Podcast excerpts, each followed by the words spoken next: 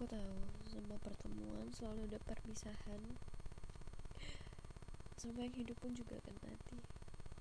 Tapi keadaan ini memaksaku untuk memilih mati. Entah bagaimana aku tidak bisa menceritakan secara detail. Namun aku merasa bahwa ini semua telah direncanakan. Maka dari itu, dia sengaja menghabiskan waktu bersamaku dan memberikan kebahagiaan yang terlihat tulus namun ternyata begitu kejam dan sangat jahat. Ingin sekali membencinya sejak semua itu terbongkar. Tapi perasaanku tidak bisa. Tidak bisa menutupi semua itu.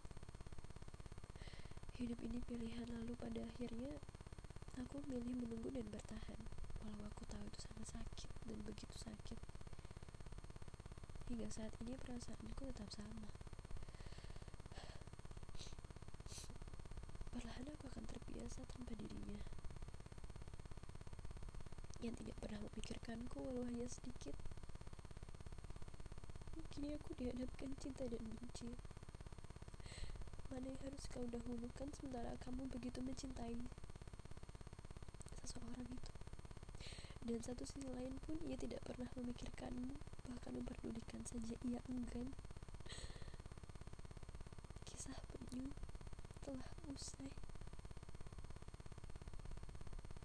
Bahkan kisah cintaku pun telah selesai. Aku tidak akan membuka hati ini sampai benar-benar aku ingin.